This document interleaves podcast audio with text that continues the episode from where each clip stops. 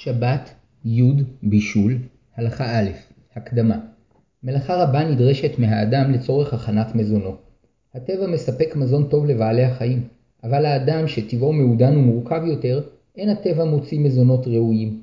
ועל האדם לסכל אבנים, לחרוש, לזרוע, לעקור עשבים שוטים, לזמור ענפים מיותרים, כדי להצמיח את מזונו. וגם לאחר שהחיטה צמחה, היא אינה ראויה עדיין למאכל. וכדי להוציא את הגרגירים הראויים למאכל, עליו לדוש ולזרות, ואף הגרגירים אינם ראויים למאכל, ועליו לבשל אותם, ואם ירצה להפיק לחם, עליו לברור, לטחון, לרקד, ללוש ולאפות. ואילולא היה האדם הראשון חוטא, מלאכת הכנת המזון הייתה נעשית בנחת ובקלות. יוצא היה אדם לשדהו וקוטף עוגות נאות ומאכלים דשנים ואוכלם. ואם היה חפץ, היה עובד מעט בשדהו, ומטעים את מאכליו באופן המתאים לו. ואמרו חכמים שכך יהיה לעתיד לבוא לאחר שהחטא יתוקן, שיצמחו על עציה של ארץ ישראל עוגות טובות ובגדים נעים. אבל בינתיים בעקבות החטא על האדם לטרוח ולעמול כדי להוציא לחם מן האדמה. וכפי שנאמר לאדם הראשון לאחר החטא, ארורה האדמה בעבורך, בעיצבון תאכלנה כל ימי חייך, וקוץ ודרדר תצמיח לך, ואכלת את עשב השדה, בזיעת אפיך תאכל לחם, עד שובך אל האדמה. בעקבות החטא, הטבע כולו התדרדר, ומה שצומח בו אינו מבורר ומפותח מספיק, ועל האדם לבצע בו מלאכות רבות כדי לעשותו מזון ראוי. ובשבת אנו עולים אל מדרגה של מעין עולם הבא, מתקשרים אל המדרגה שמעבר לחטא, שמעבר לצורך לטרוח על תיקונו של עולם. ומתוך כך אנו עומדים על המשמעות הפנימית של כל המלאכות, כדי שנדע לתקן על ידן את העולם. 11 מלאכות כרוכות בהוצאת המזון מן האדמה, ואלו הן זורע, חורש, קוצר, מעמר, דש, זורה, בורר, טוחן, מרקד, לש ואופה. ועוד שלוש מלאכות כרוכות בהפקת מזון מן החי, צד, שוחט ומפשיט. וכיוון שמלאכת הבישול, הכלולה במלאכת האופה, היא הקרובה ביותר אלינו, נפתח בה. שבת, י', הלכה ב', כללי הלכות בישול. מלאכת בישול היא מלאכה המכשירה ומשביחה דברי מאכל. ואין הבדל אם הדבר נעשה על ידי בישול, אפייה או צלייה. הכלל במלאכה זו שמכינים את המאכל על ידי חום האש. על ידי החום המאכל מתרכך והטעמים הטמונים בו מתערבבים, ועל ידי כך נוצר טעם חדש, עמוק ובעל גוונים שונים. בתחילה כל בישול מרכך את המאכל, ורוב המאכלים נשארים רכים בעקבות הבישול. אמנם יש מאכלים שמתקשים בעקבות הבישול, כמו ביצה, וכן בצלייה, אף שבתחילה החום מרכך את המאכל, לבסוף הצלייה עושה אותו קשה יותר. גם מאכלים שניתן לאוכלם ללא בישול, אם הבישול משביחם, אסור לבשלם מהתורה. למשל, מים, למרות שהם ראויים לשתיית צוננים, מאחר שהבישול משביחם, אסור לבשלם מהתורה. אבל מאכלים שהבישול אינו משביחם, האיסור לבשלם מדברי חכמים. המשל באש או בתולדות האש, היינו בדבר חם שהתחמם באש, עובר באיסור תורה. לפיכך המחמם מחבת על האש, ואחר כך קיבע את האש שתחתיה וטיגן עליה ביצה, למרות שבעת הטיגון המחבת לא הייתה על גבי האש, כיוון שחומה נוצר על ידי אש, עבר באיסור תורה. וכל המבשל כדרך שרגילים לבשל עובר באיסור תורה. לפיכך המבשל במיקרוגל עובר באיסור תורה, מפני שכיום זהו אחד מדרכי הבישול המקובלים. לפני שנתחיל לבאר את ההלכות, נקדים שישנם שלושה איסורים במלאכת בישול. א', איסור בישול מהתורה. ב', גזירת חכמים שלא יעשה אדם דבר שעלול לגרום לו להגביר את האש, לחטות בגחלים. ג', גזירת חכמים שלא לעשות פעולה הנראית כבישול. בכל עת שרוצים לדעת אם פעולה מסוימת מותרת, יש לבחון אותה משלושת הצדדים הללו. ונפרט יותר. א', יש לבדוק אם הדבר אסור מחמת איסור בישול, שכל פעולה שגורמת להפיכת מאכל ממצב חי למבושל, אסורה מן התורה. ב. אף שמצד איסור בישול מותר להניח לפני כניסת השבת תבשיל על האש, אסרו חכמים לעשות זאת במקרים שיש צורך להיטיב את תחומו של התבשיל, שמא ישכחו ויגבירו בשבת את האש, ויעברו באיסור תורה של מבעיר ובישול. אבל על אש מכוסה, מכוסה, כדוגמת פלטה, מותר להניח תבשיל, כי אין חשש שישכחו איסור שבת ויגבירו את האש. ג. גם כאשר נגמר בישולו של התבשיל, ואין חשש שיבואו להגביר את האש, אסרו חכמים לעשות פעולה שנראית כבישול, ולכן אסור להניח בשבת על גבי האש מאכל קר שנגמר בישולו, אבל מותר להניח אותו רחוק ממקור האש, באופן שאינו נראה כבישול. שבת, י, הלכה ג' בישול אסור, חימום מאכל מבושל מותר. הכלל היסודי בהלכות שבת הוא שאסור ליצור דבר חדש. בכל ששת ימי המעשה, האדם שנברא בצלם אלוקים עוסק במלאכת יצירה ופיתוח. הוא נוטל חומרי גלם מן העולם, מפתחם ומשכללם, וממשיך בכך את מעשה הבריאה. וכשם שהבורא שבת מכל מלאכת הבריאה ביום השבת, כך גם אנו נצטווינו להידבק במידותיו של השם ולקבוע את השבת ליום מנוחה וקדושה. יום שבו הננו שובתים מכל יצירה חדשה. ועל ידי כך אנחנו יכולים להתבונן בעולם כפי שבראו השם ולהתגדל באמונה. גם בהלכות בישול זה היסוד. לבשל אסור, משום שהבישול הופך את המאכל לבעל מעמד חדש, ממאכל חי למבושל. אבל אם המאכל כבר מבושל, אין איסור לחממו, משום שהחימום אינו יוצר במאכל מהות חדשה. וגם כאשר החימום משביח את טעמו, אין בזה איסור, שכלל נקוט בידינו, אין בישול אחר בישול. ולכן השאלה המרכזית בהלכות בישול היא, מתי המאכל נחשב מבושל? שאם הוא נחשב מבושל, מותר לחממו בשבת, ואם לא, אסור לעשות בו פעולה שתסייע לחימומו. נחלקו בזה גדולי הראשונים. יש אומרים שאם המאכל ראוי לאכילה בשעת הדחק, אין בו יותר איסור בישול. אולם להלכה מוסכם שהמאכל נחשב למבושל משעה שנגמר כל בישולו, וניתן להגישו לפני אורחים בלא צורך להתנצל. ולפני כן, למרות שניתן לאוכלו בשעת הדחק, עדיין הוא אינו מוגדר כמבושל. ואם כן, למעשה, ישנה חשיבות מרבית לידיעה האם התבשיל מבושל כל צורכו, שכל זמן שעדיין לא נגמר בישולו, ישנו איסור מהתורה לעשות פעולה שתגביר את חומו ותזרז את בישולו. למשל, ישנם על גבי הפלטה מקומות חמים יותר וחמים פחות, ואסור להעביר תבשיל שעדיין לא נסתיים בישולו למקום חם יותר, וכן אסור להניח מגבת על המכסה שלו, ואם פתחו את מכסה הסיר כדי לבדוק את מצבו של התבשיל והתברר שעדיין לא נגמר בישולו, אסור לכסותו שוב במכסה, מפני שכיסויו מקרב את בישולו. אבל אם התבשיל כבר מבושל כל צורכו, מותר להזיזו למקום חם יותר, ואם פתחו את מכסהו, מותר לסוגרו, וכן מותר להניח עליו מגבת כדי להיטיב את חומו, ואפילו אם על ידי כך טעמו של התבשיל ישתבח, כמו למשל בחמין, אין בזה איסור. וכן מותר להוציא מהמקפיא בשר שהתבשל כל צורכו לפני השבת ולחממו, באופן שלא ייראה כמבשל. שכלל יסוד בידינו, אחר שהמאכל הוגדר כמבושל, אין יותר איסור לחממו. כל זה אמור במאכלים מוצקים, אך בנוזליים יש דיון נוסף. חמין שהתבשל כל צורכו, למרות שיש בו עדיין עצמות קשות, הרי הוא נחשב כמבושל כל צורכו ומותר לכסותו ולהיטיב את חומו. ולמי שרגיל לאכול את העצמות הללו, כל זמן שלא נגמר בישולן, התבשיל אינו נחשב כמבושל כל צורכו, ואסור לכסותו ולהיטיב את חומו. שבת, י, הלכה ד' חום שהיד צולדת בו. מושג יסוד בהלכות בישול הוא חום שהיד צולדת בו, שאמרו חכמים שהוא שיעור החום הנמוך ביותר שעדיין מסוגל לבשל. אלא שספק בידינו למה התכוונו. האם לחום שהיד לא מסוגלת לנגוע בו אפילו למשך שניות אחדות, שזוהי טמפרטורה של כ-71 מעלות, או הכוונה שאם נצטרך לנגוע בו למשך מספר דקות, נעדיף להרחיק את ידינו מפני שהחום לא יהיה לנו נעים, שזה מתחיל בטמפרטורה של כ-45 מעלות. לדעת הרבה פוסקים, מאחר שהדבר נשאר בספק, צריך להחמיר ככל השיעורים.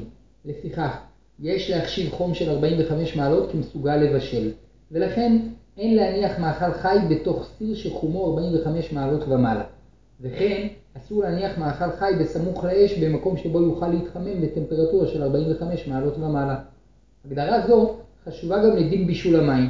איסור הבישול במים הוא בהעלאת חומם מחום שהיד אינה סולדת בו לחום שהיד סולדת בו. אבל אם המים כבר הגיעו לחום שהיד סולדת בו, הם נחשבים מבושלים, וממילא מותר להוסיף ולחמם אותם, שאין בישול אחר בישול. וכן, אם מניחים את המים בקרבת הפלטה, אם הם במקום שגם אם יעמדו שם יום שלם לא יגיעו לחום שהיד צולדת בו, אין בזה איסור. לכן, למעשה יש להיזהר שלא לחמם מים בין הגבולות של 45 מעלות ל-71 מעלות. מפני שאיננו יודעים מהי מידת החום שהיד צולדת בו, ובכל חימום בטווח הזה יש חשש שמא מעלים את המים לחום שהיד צולדת בו.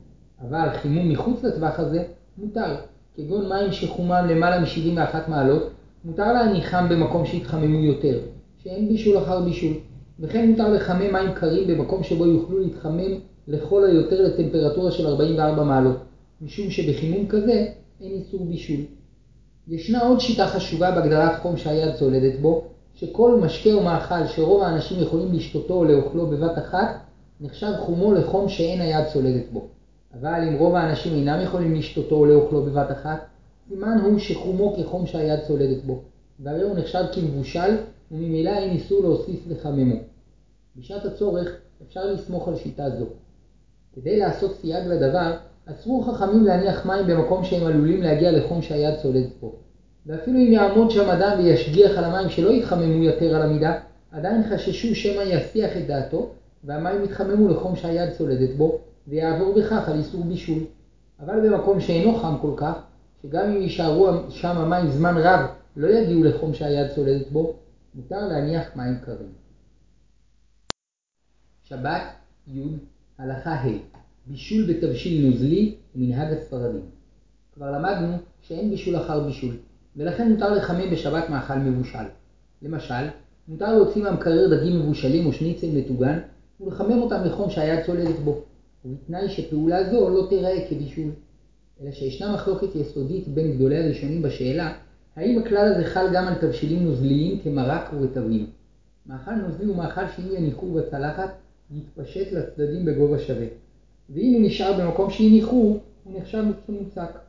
לדעת רמב"ם, רשב"א ור"ן, גם על מרק מבושל חל הכלל שאין בישול אחר בישול, ולכן לדעתם מותר לקחת בשבת מרק מהמקרר ולחממו באופן שאינו נראה כמבשל.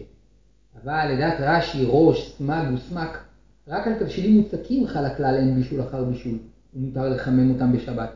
אבל לגבי תבשילים נוזליים, גם אחר שנגמר בישולם, אם יתקררו, החימום שלהם אסור מפני שהוא נחשב כבישול. וזאת משום שבמאכלים מוצקים, עיקר הבישול הוא ביצירת הטעם המבושל או האפוי, ואין הבדל גדול בין אם הלחם חם או קר. וכן אין הבדל גדול כל כך לגבי דג או תפוחי אדמה אם הם חמים או קרים. ולכן מרגע שהמאכלים המוצקים קיבלו את טעמם המבושל או האפוי, נגמר בישולם. וגם אם יתקררו, מותר לחמם אותם, שאין בהם יותר איסור בישול.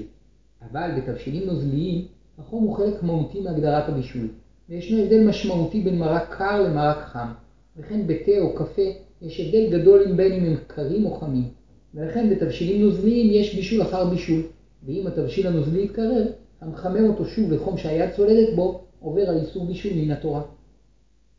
להלכה נפסק בשולחן ערוך כדעה מחמירה, וכן נוהגים רוב הספרדים, שכל תבשיל נוזלי שהתקרר וחומו ירד מחום שהיד צולדת בו, כבר נתבטל ממנו הבישול הראשון, ואסור מן התורה לחמם אותו לחום שהיד צולדת בו. ולכן אסור להוציא מרק מן המקרר ולחממו. וכן אם הורידו את המרק מהפלטה, וחומו ירד מחום שהיד צולדת בו, אסור להחזירו לפלטה. ואם ידוע בוודאות שחומו עדיין כחום שהיד צולדת בו, מותר להחזירו. ואם היה מונח בצידי הפלטה, מותר להעבירו למרכזה כדי להיטיב את חומו. ואם רוב המאכלים שבסיר הקר הם מוצקים, אך יש שם גם רוטב נוזלי, אסור לחמם את הסיר, כי חימום הרוטב אסור משום בישול, והפתרון לכך להוציא את המאכלים המוצקים ולחמם אותם לבדם, ולרטיבות שנותרה עליהם אין לחוש, וכן מותר לחמם אוכל מוצק כגון בשר או דגים שיש עליהם מעט רטיבות, משום שלנוזלים אלו אין חשיבות, והם בטלים למאכל המוצק. כאשר התבשיל קרוש, כדוגמת רוטב פטריות, אולם בעקבות החימום יהפוך לנוזלי, דינו כתבשיל שאינו נוזלי שמותר לחממו. אמנם למנהג אשכנז, לכתחילה אין לחמם אותו, מפני שיש סוברים שלכתחילה אין לעשות פעולה שתגרום למאכל להפוך ממוצק לנוזלי ולהפך, כי יש בפעולה זו כאין הולדה של דבר חדש. ואם הרוטב טפל לאוכל המוצק, גם למנהג אשכנז מותר לכתחילה לחמם את המאכל עם הרוטב המוקשה שיהפוך לנוזלי. שבת, י', הלכה ו', מנהג תימנים ואשכנזים בתבשיל נוזלי. כפי שלמדנו, לדעת רמב"ם, רשב"א ור"ן, הכלל שאין בישול אחר בישול חל גם על תבשילים נוזליים, שאם נגמר בישולם, למרות שהתקררו, מותר לחמם אותם לחום שהיד צולדת בו. ומבני עולי תימן, ישנם רבים שנוהגים כדעת הרמב"ם, ולפי זה, אם בישלו מרק בערב שבת והניחו במקרר, מותר בשבת להוציאו מהמקרר ולהניחו במקום שיוכל להתחמם עד שירתח, וכן הדין לגבי רטבים וכל שאר התבשילים הנוזליים. והאשכנזים נוהגים על פי הרמה, שעשה כן פשרה בין שתי הדעות, שאם התבשיל הנוזלי יתקרר עד שאין רגילים לאכולו מפני קרירותו, אסור לחמם אותו לחום שהיד צולדת בו. אבל אם עדיין נשארה בו חמימות, מותר לחמם אותו לחום שהיד צולדת בו. וזאת מפני שכעיקרון הרמה פסק כדעת הרמב"ם, שגם על תבשיל נוזלי חל הכלל אין בישול אחר בישול. אלא שלדעתו, אם לא נשארה חמימות בתבשיל, אסור לחממו מדברי חכמים. כאשר מי שנוהג כשולחן ערוך או ערמה מתארח אצל תימני שנוהג כרמב"ם, מותר לו לאכול מן המרק שהוציא המארח מהמקרר וחיממו. שהואיל והמארח נהג כהלכה על פי מנהגו, מותר לכל יהודי לאכול לכתחילה מתבשילו. אבל אסור למי שנוהג כשולחן ערוך או הרמה לבקש ממי שנוהג כרמב"ם לחמם עבורו מרק, שהואיל ולפי מנהגו הדבר אסור, אסור לו לבקש זאת מחברו. אמנם אם יזמין אותו לאכול יחד עמו, הרי שהאורח יוכל לנהוג כמנהגו ולחמם את המרק עבור עצמו, וממילא יהיה מותר גם למארח לאכול ממנו. שבת, י', הלכה ז', כלי ראשון, שני ושלישי. בישול מאכלים נעשה על ידי כלי שעומד על האש. השאלה, מה הדין כאשר ישנו סיר שאינו מונח על גבי האש או הפלטה, ויש בו מים חמים או תבשיל חם שהיד צולדת בהם? האם מותר להכניס לתוכו מאכל שאינו מבושל? התשובה הכללית שבכלי ראשון הדבר אסור, ובכלי שני מעיקר הדין מותר, אולם בפועל רק בכלי שלישי מותר. כלי ראשון הוא הכלי שהתחמם על גבי האש, וכלי שני הוא כלי שעירו לתוכו את המים או התבשיל מתוך הכלי שעמד על האש. והטעם להבדל ביניהם הוא שהכלי הראשון עמד על האש וגם דפנותיו התחממו, וממילא זמן ממושך יישמר חומו, ובכוחו לבשל את המאכל החי שיניחו בתוכו. אבל כלי שני, הואיל ודפנותיו לא התחממו על האש, בזמן קצר התבשיל או המים החמים שהניחו בו מתקררים, ואין בכוחם לבשל את המאכל החי שמניחים בתוכם. אלא שיש מאכלים, כדוגמת דגים מסוימים, שהם יוצאים מהכלל, ומתבשלים במהירות ובקלות, ואפילו בכלי שני הם יכולים להתבשל. מאכלים אלו מוגדרים בהלכה כקלי הבישול, ואסור מן התורה לבשלם בכלי שני. ולא זו בלבד, אלא אפילו לשפוך עליהם מים חמים מתוך כלי שני, אסור, כי מאחר שדי להם בבישול קל, אפילו בעירוי מכלי שני הם מתבשלים ונעשים מוכנים לאכילה. ואף שמעיקר הדין משמע שרק מאכלים בודדים נחשבים לקלי הבישול, כמה מגדולי הפוסקים חששו שמא איננו יודעים להבחין בין מאכלים רגילים לקלי הבישול, ולדעתם רק כאשר ידוע במפורש שהמאכל אינו מקלי הבישול, כדוגמת מים ושמן, מותר לתנו בכלי שני. בנוסף לכך, לדעת כמה מגדולי הפוסקים, כל מאכל שלא עבר בישול לפני השבת, אסור מדברי חכמים להכניסו לכלי שני בשבת, משום שהכנסתו לכלי שני נראית כבישול. לפיכך, למעשה, אין להניח מאכל שלא עבר בישול בכלי שני, אבל מותר לערות מכלי שני על מאכל שלא עבר בישול. ורק אם ידוע שהוא מקלי הבישול, אסור לערות עליו מכלי שני. אבל כלי שלישי מוסכם להלכה שאינו מבשל, שאם שפכו את המים החמים או התבשיל שבסיר לכלי אחר וממנו לעוד כלי, הרי זה ככלי שלישי ואין בו יותר איסור בישול. לפיכך, מותר להכין מנה חמה של מרק או אורז על ידי שיערו מים חמים מכלי שני לתוך המנה חמה, שהכלי שבו נמצאת הוא כלי שלישי, ואין חשש בעירוי מכלי שני, הואיל ולא ידוע שהמנה החמה מקלי הבישול. אבל פירה אסור להכין משום לישה. שבת, י', הלכה ח', הכנת תה בשבת. הרוצה להכין תה צריך לעשות זאת בכלי שלישי. כלומר, יערה את המים החמים לכוס אחת, שהיא כלי שני, וממנה יערה את המים לכוס אחרת, שהיא כלי שלישי, ולתוך הכוס הזו יכניס את שקית התה. ולכאורה, היה צריך להתיר לעשות זאת בכלי שני, שכן הכלל הוא שאין בישול בכלי שני. אלא שכפי שלמדנו, בדברים שהם קלי הבישול, יש בישול גם בכלי שני, ויש חוששים שעלי התה הם מקלי הבישול. ועוד שיש סוברים שאסרו חכמים להכניס לכלי שני מאכל שלא עבר בישול, משום שזה נראה כבישול. לפיכך הרוצה להכין תה, צריך לעשות זאת בכלי שלישי. ואומנם יש שהחמירו והורו שהואיל ואנו רואים שאפילו בכלי שלישי יוצא צבע וטעם מתוך שקית התה, סימנו שהתה מתבשל בקלות רבה, ולכן יש לאסור להניחו אפילו בכלי שלישי. אלא שלדעת רוב הפוסקים כלל מוחלט הוא, שאין איסור בישול בכלי שלישי, ובכל מקרה מותר להכניס מאכל שלא יתבשל לכלי שלישי. בנוסף לכך, מה שרואים שגם בכלי שלישי יוצא טעם וצבע מהתמצית, אין זה סימן לבישול. עובדה היא שאף אם יכניסו את שקית התה למים בטמפרטורה של 40 מעלות, שאינם מסוגלים לבשל כלום, יצא טעם וצבע. לפיכך מותר לתת שקית תה לתוך מים חמים שבכלי שלישי. ואם הכינו מערב שבת תמצית תה נוזלית, מותר לשפוך אותה למים החמים שבכלי שני, שכן התמצית הנוזלית אינה מקלי הבישול, ומזיגתה לתוך הכוס אינה נראית כפעולת בישול. והמהדרים נזהרים לכתחילה שלא לצבוע משקים, על כן ימזגו את, את תמצית התה לכלי שלישי, ועליה יערו את המים החמים מכלי שני, שבאופן זה המים מצטרפים לתמצית התה, ולכל הדעות אין בזה חשש צביעה. ואם באמצע השבת התמצית הנוזלית נגמרה, ונשארו רק עלי תה בלא נוזלים, מותר לשפוך מים רותחים מהדוד לתוך כוס שתחשב כלי שני, וממנה יערו את המים על עלי התה, ויכינו עוד תמצית נוזלית. ואין לחוש בזה לבישול, כי עלי התה הללו כבר נתבשלו בערב שבת, ואין לגביהם יותר איסור בישול. שבת, י, הלכה ט' עירוי רותחים לכוס רטובה. המיוחד בהלכה שהיא חודרת בדייקנות עד לפרטים הקטנים ביותר, ודווקא על ידי כך היא מרוממת את כל הפעולות המעשיות של החיים, ונותנת להן משמעות רוחנית ערכית. ומכאן לי שאלה מעשית. האם מותר בשבת למזוג מים חמים מן הדוד לתוך כוס שיש על דפנותיה רסיסי מים? יש אומרים שהואיל ואיסור בישול מן התורה חל גם על טיפות ספורות של מים, אסור להראות מים חמים מן הדוד לתוך כוס שיש על דפנותיה רסיסי טיפות של מים קרים, מפני שהמים החמים יבשלו את רסיסי המים הקרים, ולכן יש לנגב היטב את הכוס מכל רטיבות, ורק לאחר מכן מותר למזוג לתוכה מים חמים. לעומת זאת, דעת הרבה פוסקים שאין צורך לנגב את הכוס מכל רטיבות, משום שאין זה דרך בישול, וגם ספק אם בפועל יהיו טיפות שיתבשלו, וגם אם יתבשלו, יהיה זה שלא ברצונו ובדעתו של האדם, שכן אין כוונתו במזיגת המים לבשל את הרסיסים הללו, וכן הלכה.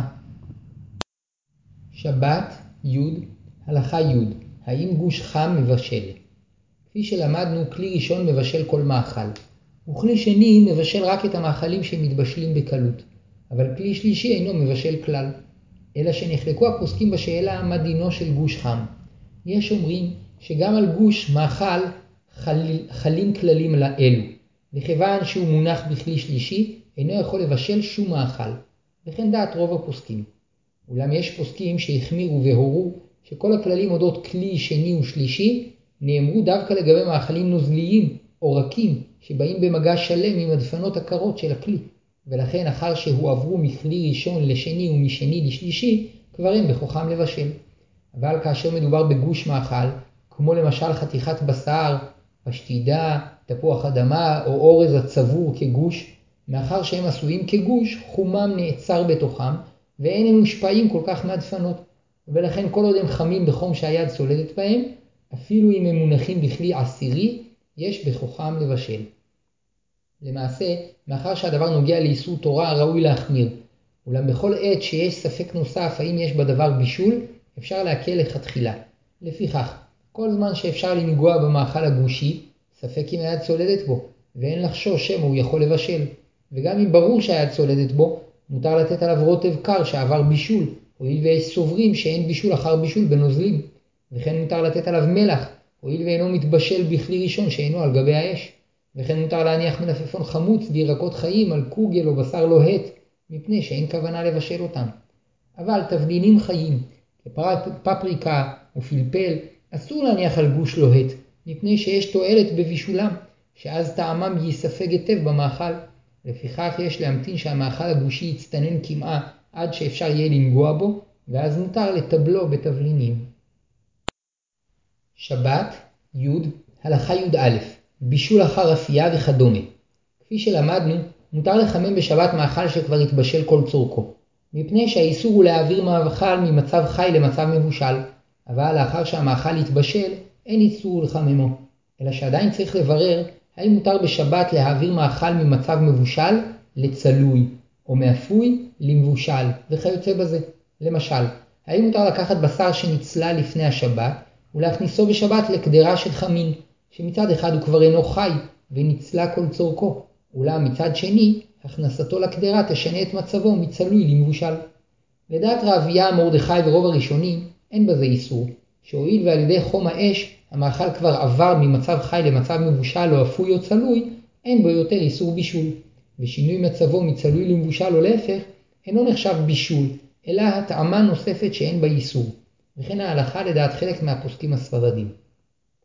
אולם לדעת רבי אליעזר ממיץ, אמנם מותר לבש... לחמם בשר בשבת מאכל מבושל, אפוי או צלוי, אבל לשנות את מהותו מצלוי למבושל אסור, מפני שזה נחשב כבישול חדש. וכן אסור לקחת לחם אפוי ולהכניסו לתוך סיר של תבשיל, שעל ידי כך הופכים את הלחם מאפוי למבושל. ואפילו אם המרק החם בכלי שני, יש לחוש שהלחם מקלה הבישול, והרי הוא מתבשל בכלי שני. וכן מנהג אשכנז להחמיר. וכן דעת חלק, וכן דעת חלק מהפוסקים הספרדים, שלכתחילה נכון להחמיר בזה. אמנם גם הנוהגים להחמיר, מסכימים שבדיעבד אם בישלו דבר אפוי או אפו דבר מבושל, המאכל לא נאסר, שכן בדיעבד אפשר לסמוך על דעת המטילים. לפי מנהג רוב ישראל שנוהגים להחמיר בדין זה, הרוצה לטבול ביסקוויט בתה או קפה, צריך להקפיד שהקפה והתה יהיו בכלי שלישי שאינו מבשל. והרוצה לטבול לחם במרק, אם יעביר את המרק מהסיר לצלחת על ידי מצקת, יוכל להקל ולהחשיב את המרק ככלי שלישי, ולטבול בו לחם. שבת, י', הלכה י"ב, מגיס, ערבוב. ערבוב המאכל שבקדרה משפר את איכות הבישול, ולכן המערבב בשבת תבשיל שלא נתבשל כל צורכו, עובר באיסור תורה. פעולת הערבוב נקראת בלשון חכמים מגיס. וגם כאשר התבשיל אינו על האש, כל זמן שלא נסתיים בישולו והיד צולדת בו, אסור מהתורה להגיסו. וכן אסרו חכמים להוציא מאכלים מתוך סיר שהתבשיל שבתוכו עוד לא מוכן לאכילה, מבושל כל צורכו, משום שלקיחת המאכל תגרום לתנועה בתוך הסיר, וזוהי פעולה של הגסה.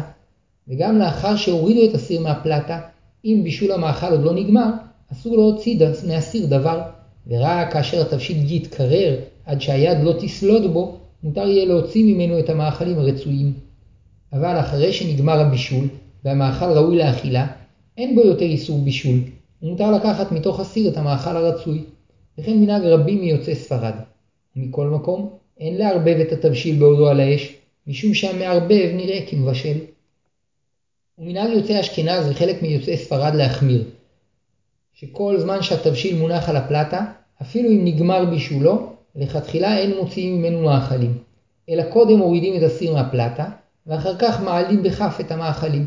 ואם רוצים אחר כך להניח בחזרה את הסיר על הפלטה, יש להקפיד על הכללים שיבוארו בדיני החזרה. בשעת הצורך גם המחמירים מקילים להוציא מאכלים מתבשיל שנגמר בישולו והוא עומד על האש. למשל, כאשר הסיר מונח על אש שאינה מכוסה, ואם יורידו אותו מן האש יהיה אסור להחזירו, מותר להוציא את המאכלים מהסיר בעודו על האש, מפני שהעיקר להלכה שמשעה, שמשעה שנגמר בישול המאכל, אין בו יותר איסור מגיס. ומים, לכל הדעות מותר לקחת מתוך המחם שעל הפלטה. שבת, י', הלכה י"ג הוספת מים לתבשיל שעל הפלטה כדי שלא יישרף. כאשר הנוזלים שבקדרת החמין שעל הפלטה יתנדפו, ויש חשש שהתבשיל יישרף, אסור להוסיף לקדרה מים קרים, מפני שהם יתבשלו בה. אבל אם יש מחם של מים חמים על הפלטה, מותר לערות ממנו מים חמים אל תוך הקדרה. ואם יש לה מחם ברז, אפשר להוריד את קדרת החמין מהפלטה, וליצוק לתוכה מים חמים מן הברז. ואם הקדרה בשרית והמחם פרווה, יש לפתוח את, מכסה, את המכסה של הקדרה למשך כעשר שניות, כדי שהעדים הרבים שבה יצאו ויתפזרו, ורק אחר כך יקרבו אותה מעט אל הברז, באופן שרק מעט עדים יעלו ממנה אל הדוד. וכאשר קשה לערות מן הדוד ישר לקדרה, אפשר לקבל את המים החמים בכוס, ולערותם מן הכוס לקדרה, שכל זמן שהיד צולדת מחום המים, לדעת רובם המכריע של הפוסקים אין בהם איסור בישול. וכך נוהגים רוב ישראל, ובכללם יוצאי אשכנז, תימן וצפון אפריקה. ויש אומרים שאסור להוסיף מים חמים לתוך קדרה שעומדת על הפלטה, משום שלדעתם אין מתייחסים לחום המים, אלא למעמד שלהם, שבעודם במחם הם במעלת כלי ראשון, ובעת שיערו אותם, ירדו ממעמד של כלי ראשון שבכוחו לבשל, למעמד של עירוי שאין בכוחו לבשל, וכאשר ייכנסו לתוך הקדרה, יתבשלו ויחזרו להיחשב ככלי ראשון. ויש מהספרדים שנוהגים כך. וספרדים שרוצים להקל כדעת רוב הפוסקים, יש להם על מי לסמוך. שבת, י' הלכה י"ד פתיחה לדין השהיית תבשיל בערב שבת. בהלכות הקודמות למדנו את גדרי מלאכת בישול האסורה מהתורה, ומכאן נמשיך לברר שתי גזרות חכמים. א', שלא להשהות מאכלים שאינם מבושלים על האש בערב שבת. ב', שלא לעשות בשבת פעולות הנראות כבישול. ונתחיל בראשונה. ככלל, איסורי שבת חלים מרגע כניסת השבת, ולכן מן התורה היה מותר להניח לפני כניסת השבת תבשילים על גבי האש, אף שימשיכו להתבשל בשבת. אלא שחששו חכמים, שמא מתוך שאדם להוט שתבשילו יתבשל כראוי לסעודת ליל שבת, יטיב את האש אחר כניסת השבת, ויעבור לאיסורי הבערה ובישול. וחיזקו חכמים את דבריהם וגזרו, שאם עבר וישהה על האש תבשיל שיש צורך שימשיך להתבשל, אסור ליהנות ממנו בשבת. בעבר היו מבשלים בתוך קירה שבתחתיתה היו גחלים לוחשות, וחששו חכמים שמא יחטאו בגחלים כדי לזרז את הבישול. וכן היום שמבשלים על אש הגז או על ידי גופי חימום חשמליים שבתנור, או קיריים חשמליות, יש חשש שמא ירצו להגביר את האש, ויעברו על איסור תורה של מבעיר ומבשל. ואף אם יפעילו את הגז או את גופי החימום החשמליים על החום הגבוה ביותר, כך שאין אפשרות להגביר את האש, אסור להשרות עליהם תבשילים. מפני שחכמים לא חילקו בגזרתם, ועוד שיש חשש שמא יפחיתו את החום ואחר כך יבואו להגבירו. ועוד שכל זמן שמשהים מאכל שעוד לא התבשל על אש גלויה, יש לחשוש שיעברו על איסור בישול בדרכים שונות, כגון שיערבבו את תכולת הסיר, או יכסו אותו יותר כדי להיטיב את תחומו. בשני אופנים לא קיים חשש שהם יבואו להגביר את האש, וממילא מותר להשעות את התבשיל על האש או בתוך התנור. א. כשהתבשיל מוכן לאכילה, כך שאין מניע שיגרום לאדם לחלל שבת ולהיטיב את האש. ב. כאשר התבשיל אינו מוכן לאכילה, ניתן להתיר את השהייתו על האש על ידי פעולה כנגד האש. בזמן חז"ל היו עושים זאת על ידי גריפת הגחלים אל מחוץ לקירה, או על ידי קטימת הגחלים, היינו כיסוים באפר שימעט את חומם. וכיום עושים זאת על ידי כיסוי האש, ולשם כך משתמשים בפלטה. בהלכות הבאות נמשיך לברר, לבאר את שני ההיתרים הללו. שבת, י', הלכה ט"ו ההיתר הראשון, כאשר התבשיל מבושל. כאשר אין מניע שיגרום לאדם להיטיב את האש שתחת התבשיל, מותר להשהותו בערב שבת על אש גלויה, ונחלקו הפוסקים בשאלה מתי אין מניע להיטיב את האש. לדעת הריף והרמב"ם, רק כאשר התבשיל מתבשל כל צורכו, ומכאן ואילך כל תוספת בישול תפגום בטעמו. בלשון חז"ל, מצטמק ורע לו, אבל אם תוספת הבישול רצויה לבעל התבשיל, אסור להשותו על האש, הואיל ויש לו עדיין מניע מסוים להיטיב את האש.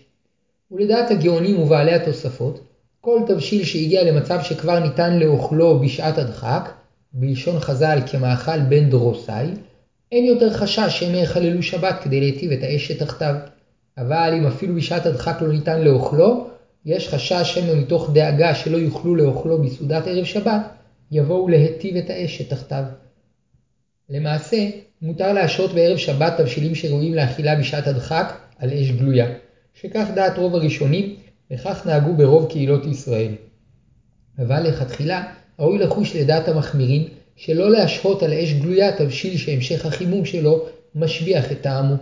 והפתרון לכך, לכסות את האש, כפי שיבואר בהלכה הבאה. שבת, י', הלכה ט"ז, ההיתר השני, לכסות את האש. כפי שלמדנו, אם המאכל עדיין לא התבשל כראוי, אסור להשהות אותו על האש לפני כניסת השבת, שמא יבוא בשבת להיטיב את האש. אבל עדיין יש דרך להתיר זאת, על ידי כיסוי האש. שעל ידי שיכסו את האש ויחלישו בכך את חומה, חומה, יזכירו לעצמם שלא להגבירה אחר כך. ואם ישכחו ויבואו להיטיב את האש, כשיראו שהאש מכוסה, יזכרו שהיום שבת, וייזהרו שלא להגביר את האש. ולכן מותר להשעות מאכלים שלא נתבשלו כראוי על פלטה חשמלית, הואיל וגופי החימום שבה מכוסים. וכן מותר לכסות את האש שבקיריים בטס נחושת, ולהשעות עליו את התבשילים שלא נתבשלו כראוי, שעל ידי כיסוי האש עושים סימן ברור שמזכיר את השבת, ועל ידי כך ייזהרו שלא להגביה את האש, ומלכתחילה טוב לכסות גם את כפתורי הגז.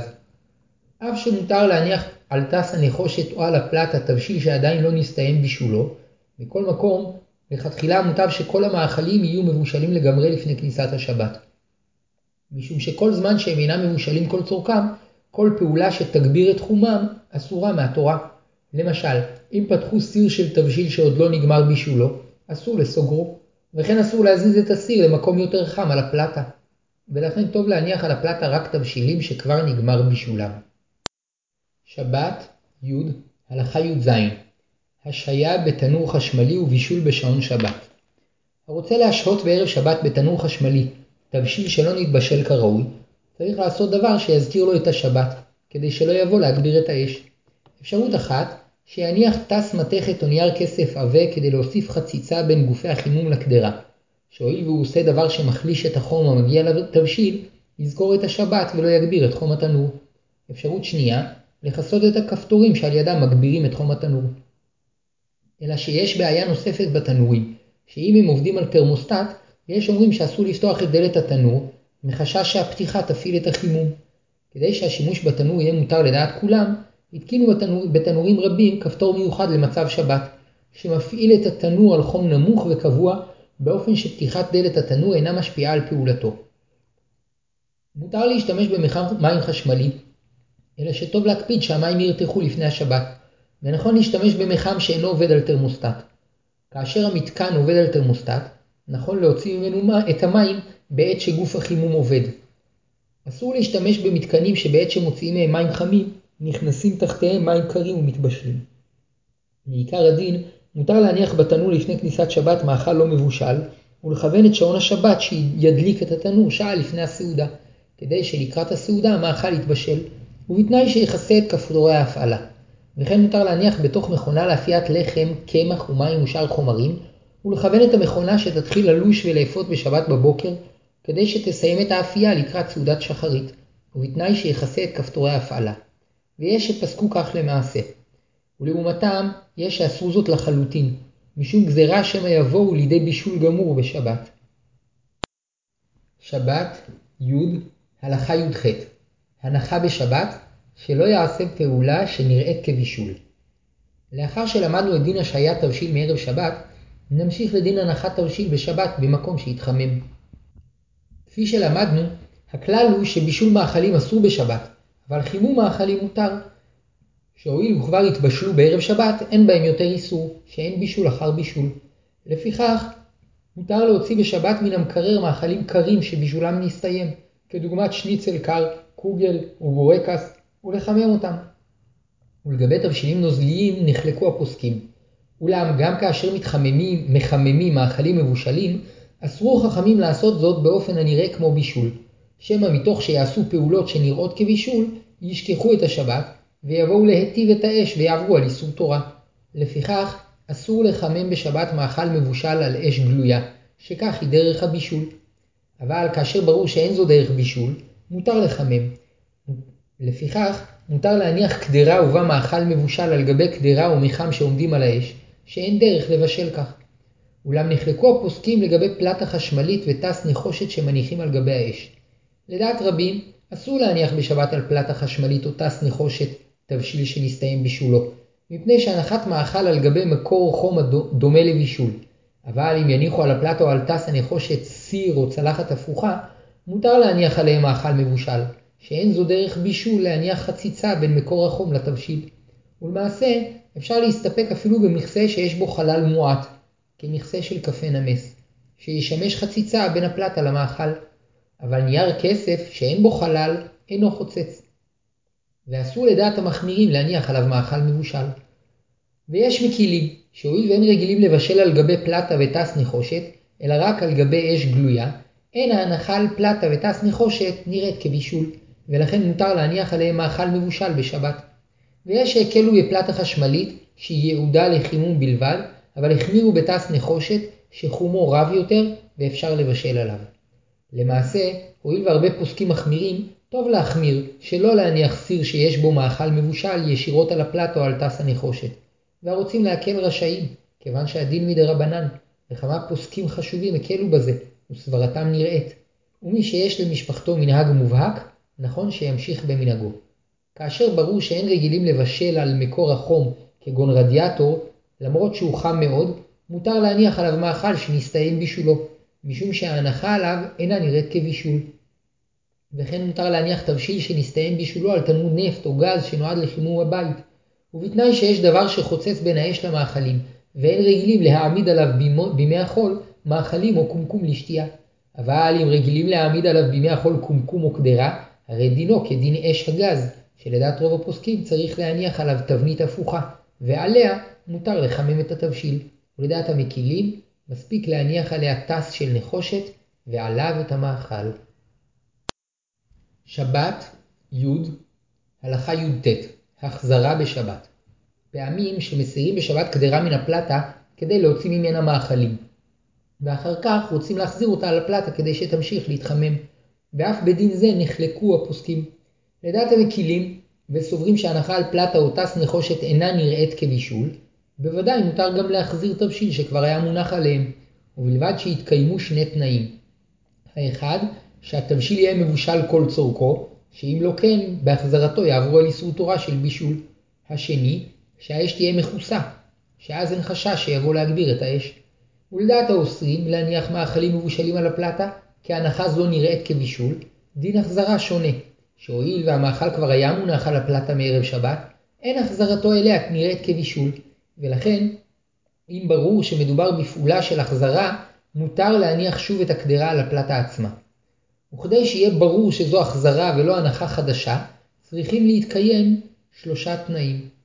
א', שלא יניח את הסיר על גבי הרצפה, ב', שתהיה דעתו של לוקח הסיר להחזירו על הפלטה, ג', שידו תמשיך לאחוז בסיר עד שיניח אותו בחזרה על הפלטה. וכל זה לכתחילה, אבל בדיעבד, כשיש צורך גדול להחזיר את התבשיל ולהניחו דווקא על הפלטה, כי רק כך התבשיל יהיה חם לסעודה, אזי גם אם לא יתקיימו שלושת התנאים הללו, הואיל ובפועל זו החזרה ולא הנחה חדשה, מותר להחזיר את התבשיל על הפלטה. שבת, י', הלכה כ', דינים בהנחה והחזרה על הפלטה. כפי שלמדנו בהלכה הקודמת, אם המאכל הונח לפני כניסת השבת על פלטה, גם לדעת המחמירים מותר להסירו ממנה ולחזור להניחו על גבה. לפיכך, אם המאכל היה מונח על צידי הפלטה, מותר להעבירו אל מרכז הפלטה כדי שיתחמם יותר, שהואיל וכבר היה מונח על הפלטה, אין זו הנחה חדשה. וכל זה כמובן בתנאי שהמאכל מבושל כל צורכו, שלולא כן, כל פעולה שתגביר את חומו של התבשיל, תגרום לבישולו ואיסורה מהתורה. וכן מי שיש לו שתי פלטות של שבת, יכול להעביר סיר חם מזו לזו, ובתנאי שהתבשיל מבושל כל צורכו. וגם אם הניח תבשיל על טס נחושת, וכבתה האש שתחתיו, אם התבשיל מבושל כל צורכו, מונח, מותר להניח אותו על הפלטה השנייה, שכל זמן שהתבשיל עוד נותר חם, ניכר עליו שהונח על הפלטה מערב שבת, והעברתו לפלטה אחרת נחשבת כהחזרה. כשרוצים לחמם בערב שבת תבשילים רבים, אפשר להניח על הפלטה שתי קומות של סירים, ובליל שבת ייקחו לצורך הסעודה את הסירים התחתונים, ויניחו את העליונים על הפלטה, ובתנאי שהם מבושלים כל צורכם. ואין זו הנחה חדשה, הואיל והיד צולדת מפני חומם, ומתחילה התכוונו להניחם אחר כך על הפלטה. כאשר רוצים לחמם מאכל שנתבשל כל צורכו ויש שם אש גלויה, מותר לכסות אותה בתס מתכת, ולהניח עליה צלחת. ולהניח עליה את המאכל. ואף שצורת הלהבה תשתנה בעקבות הנחת תס המתכת עליה, אין בזה איסור, כי עוצמת הבעירה לא משתנה מזה. שבת, י', הלכה כ"א האם מותר להחזיר תבשילים לתוך תנור אפייה? תבשיל שהיה בתוך תנור אפייה חם, והוציאו אותו כדי לקח ממנו מאכלים, אסור להחזירו לתוכו, מפני שני טעמים. הראשון, שהואיל ואין דבר שימעט את חומו של התנור, יש חשש שהמחזיר את התבשיל לתוכו ישכח את השבת ויבוא להגביר את החום. השני, שפעולה זו נראית כבישול. אבל אם יניחו בתוך התנור קופסה בעלת ארבע דפנות, יהיה מותר להחזיר את התבשיל, משום שבאופן זה אין לחשוש שיגבירו את החום, וגם החזרת התבשיל אינה נראית כבישול, שאין דרך לבשל בקופסה כזו. ונראה שאפשר להקל גם על ידי הנחת תבנית או צלחת הפוכה על קרקעית התנור שעליה יחזירו את התבשיל או שיכסו את הכפתורים של התנור. וכל זה על פי כללי ההחזרה שלמדנו לעיל, שהואיל והתבשיל היה בתנור והוציאו אותו כדי להחזירו, אין הדבר נראה כבישול. אבל אסור לקחת תבשיל קר ולהניחו בתוך התנור החם, משום שזה נראה כפעולת בישול. ואם התנור מופעל על ידי שעון שבת, מותר בשעה שהתנור קר להניח בו תבשילים שנתבשלו כל צורכם, כדי שיתחממו כאשר התנור יתחיל לפעול. והכנסה זו אינה נראית כבישול, משום שהיא נעשית בשעה שהתנור קר. וכדי להימנע מהחשש שמא יגביר את החום, צריך להסתיר את הכפתורים או להניח את התבשיל על תבנית הפוכה. ואומנם יש פוסקים שאוסרים זאת, מפני שלדעתם גם כשהתנור קר, הכנסת התבשיל לתוכו כדי שיתחמם נראית כפעולת בישול. אולם למעשה, כיוון שהדין דה רבנן, אפשר לסמוך על דעת המקילים. יש שמניחים סביבות לפלטה תא של מתכת, כדי לשמור על חומה, ולתוך התא הזה מותר להחזיר תבשילים שהורדו מהפלטה, ואין זה נראה כמבשל, משום שאין רגילים לבשל בתא שכזה, וכל ייעודו לסייע לשמירת החום של המאכלים המבושלים שמונחים על הפלטה. ולנוהגים להניח על הפלטה תבשיל קר שנגמר בישולו, מותר להניח אותו גם על פלטה זו, ולמחמירים מותר להניח אותו על גבי צלחת הפוכה. ואין בהנחה בתוך תא זה איסור הטמנה, משום שאיסור ההטמנה קיים רק כאשר יש מגע שלם בין הסיר ובין הדבר שעוטפו, וכאן הסיר אינו נוגע מכל צדדיו בדפנות התא. שבת, י', הלכה כ"ב, כללי ההטמנה. מאחר שאסור להדליק אש בשבת, ישנה בעיה לשמור על חום התבשילים. כיום יש לנו פלטה חשמלית שפותרת את הבעיה, אולם בזמן חז"ל היה קשה יותר לשמור על חום התבשילים. דרך אחת הייתה להניח את הקדרה עם המאכלים המבושלים בקירה או בתנור, והדרך השנייה לטמון את הקדרה בתוך צמר או דבר אחר שישמור על חום הקדרה. אלא ששני איסורים אסרו חכמים בדין ההטמנה, האחד בערב שבת והשני בשבת. האחד, שלא להטמין בדבר שמוסיף הבל, מוסיף חום, ואיסור זה חל אפילו לפני כניסת השבת. והשני, שלא לטמון בשבת מאכלים חמים אפילו בדבר שאינו מוסיף חום. נבהר יותר. ישנם חומרים תוססים שיוצרים חום, כמו למשל פסולת של זיתים או תבן, וחששו חכמים שאם יטמינו בערב שבת באותם החומרים שמוסיפים חום, מתוך כך יהיו אנשים שיטעו ויטמינו בערב שבת גם בתוך גחלים, ויבואו אחר כך בשבת לידי חיטוי בגחלים שאסור משום הבערה. ולכן אסרו לטמון את התבשילים לפני כניסת השבת בתוך חומרים שמוסיפים חום. ובחומרים שאינם מוסיפים חום אלא רק שומרים על החום, כדוגמת בגדים, מגבות ושמיכות, מותר לטמון, ובתנאי שההטמנה תיעשה לפני כניסת השבת. אבל בשבת אסרו חכמים לטמון תבשיל חם אפילו בחומרים שאינם מוסיפים חום, משום שחששו שאם יהיה מותר לטמון בשבת, יהיו אנשים שיחממו תחילה את התבשיל על האש ויעברו על איסור הבערה ובישול.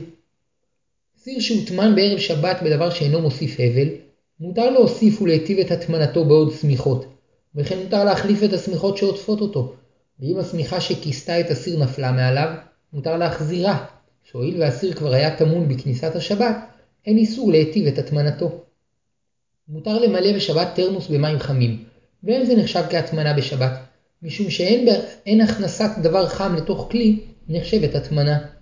וכן מותר להניח בתוך סיר החמין שקית ובה אורז או מאכל אחר שאין רוצים שיתערבב בתוך שאר החמין, שאין הטמנת אוכל בתוך אוכל. שבת, י', הלכה כ"ג, הטמנה על פלטה וסיר לבישול איטי, קרקבט. אסור לעטוף את הסירים שעל הפלטה במגבת או שמיכה, ואפילו אם יעשו זאת בערב שבת. ואף שהמגבת והשמיכה אינן מוסיפות חום מצד עצמן, הואיל והקדרה מונחת על הפלטה, מתווסף בחום על ידי הפלטה, ולכן דינן כדין הטמנה בדבר שמוסיף חום שאיסורו גם מערב שבת. ואיסור הטמנה הוא רק כאשר טומנים את הקדרה מכל צדדיה, אבל כשאין עוטפים את הקדרה מכל צדדיה, אין בזה איסור. לפיכך, מותר לעטוף את רוב הסיר שעל הפלטה במגבת או שמיכה, שכל זמן שאין הסיר עטוף כולו, אין בזה איסור הטמנה, ומותר לעשות זאת אפילו בשבת. ואם יניח על הסיר מגש רחב, יוכל להניח עליו מגבת שתקיף את הסיר מכל צדדיו, שכל זמן שהכיסוי אינו נוגע בדפנות, אין זו הטמנה. צריך להיזהר שלא להניח על הסיר מגבת לחה, מפני שהמייבש אותה בחום עובר באיסור ליבון. יש אוסרים להשתמש בסיר לבישול איטי, קרקפט, משום איסור הטמנה, שהסיר טמון בתוך גופי החימום, ואם התבשיל שבו אינו מבושל, האיסור לדעתם הוא גם מצד איסור שהייה על אש שאינה מכוסה. לעומתם, יש סוברים שאין בזה איסור הטמנה. הואיל וחלקו העליון של הסיר גלוי, וכדי שלא יהיה בזה איסור שהייה, כאשר התבשיל עוד לא התבשל כל צורכו, צריכים לכסות את הכפתורים שבהם קובעים את רמת החום, וכן הלכה. שבת, י', הלכה כ"ד, מים מדוד חשמל. אסור ליהנות בשבת ממים שהתחממו באיסור, אבל אם המים התחממו ללא כל פעולה אסורה מצידנו, מותר ליהנות מהם בשבת. לכאורה לפי זה, אם דוד החשמל, הבוילר, הופעל לפני כניסת השבת, מותר להשתמש במים החמים שזורמים ממנו, אלא שישנה בעיה.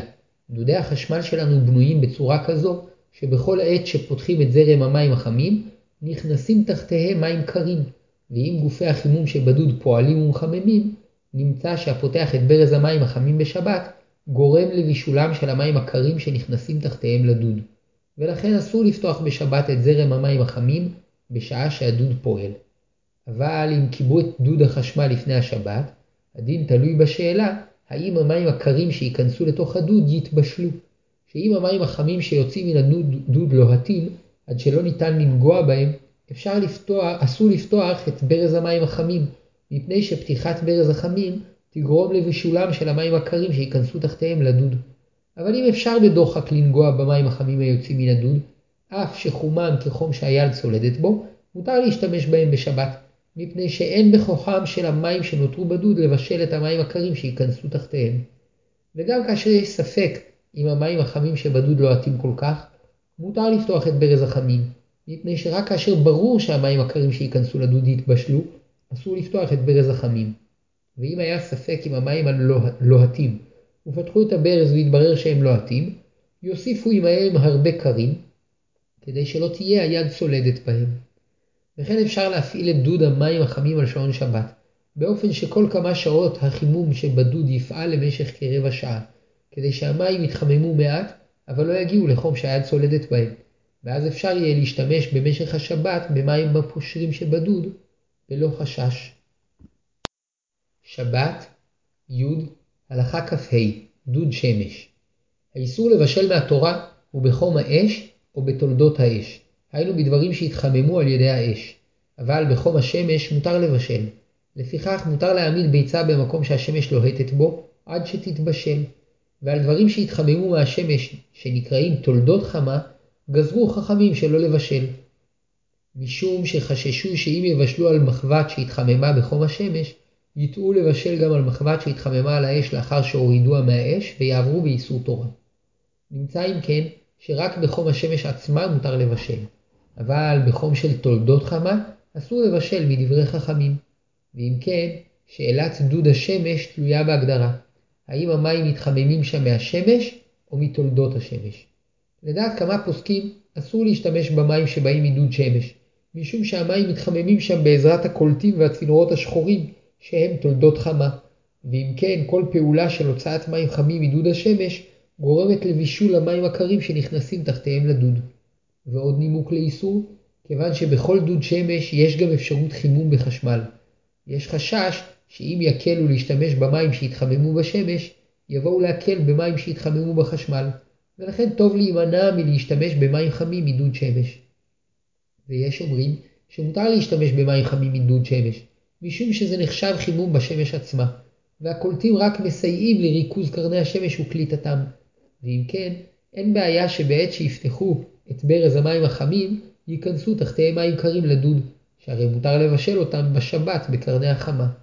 למעשה, מאחר שמדובר במחלוקת בדברי חכמים, וכידוע ספקא דרבנן לכולה, יכול אדם להקל ולהשתמש בשבת במים חמים מדוד שמש, והמחמיר על עצמו תבוא עליו ברכה, אבל לא יחמיר ברחיצת תינוקות. ישנה כיום מערכת נוספת של דודי שמש, שנועדה בעיקר לבניינים גבוהים, שבה המים החמים שבקולטים נותרים במערכת סגורה של צינורות, ומערכת זו יורדת אל הדוד, והמים הקרים שבדוד מתחממים מהמגע עם הצינורות החמים שבדוד. נמצא שהמים הקרים מתחממים בתולדות החמה, ולכן אסור לפתוח ביום השבת את ברז החמים, מפני שגורמים בזה לבישול המים הקרים שנכנסים לדוד. אבל בליל שבת מותר להשתמש במים החמים שהתחממו בערב שבת, כמבואר בהערה.